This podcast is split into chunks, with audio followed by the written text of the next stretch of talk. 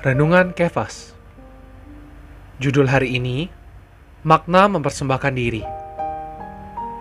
Roma pasal 6 ayat 13 berkata Dan janganlah kamu menyerahkan anggota-anggota tubuhmu kepada dosa untuk dipakai sebagai senjata kelaliman Tetapi serahkanlah dirimu kepada Allah sebagai orang-orang yang dahulu mati tetapi yang sekarang hidup dan serahkanlah anggota-anggota tubuhmu kepada Allah untuk menjadi senjata-senjata kebenaran.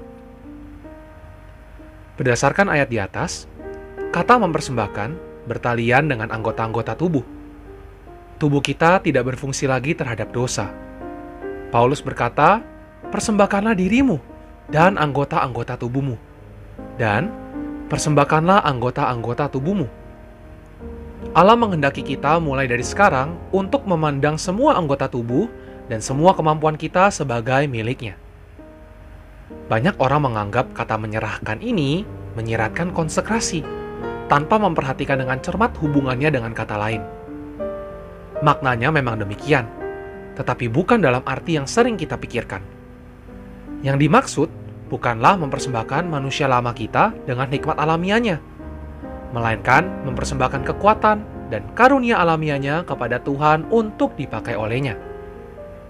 Paulus mengatakan, serahkanlah dirimu kepada Allah sebagai orang-orang yang dahulu mati, tetapi yang sekarang hidup.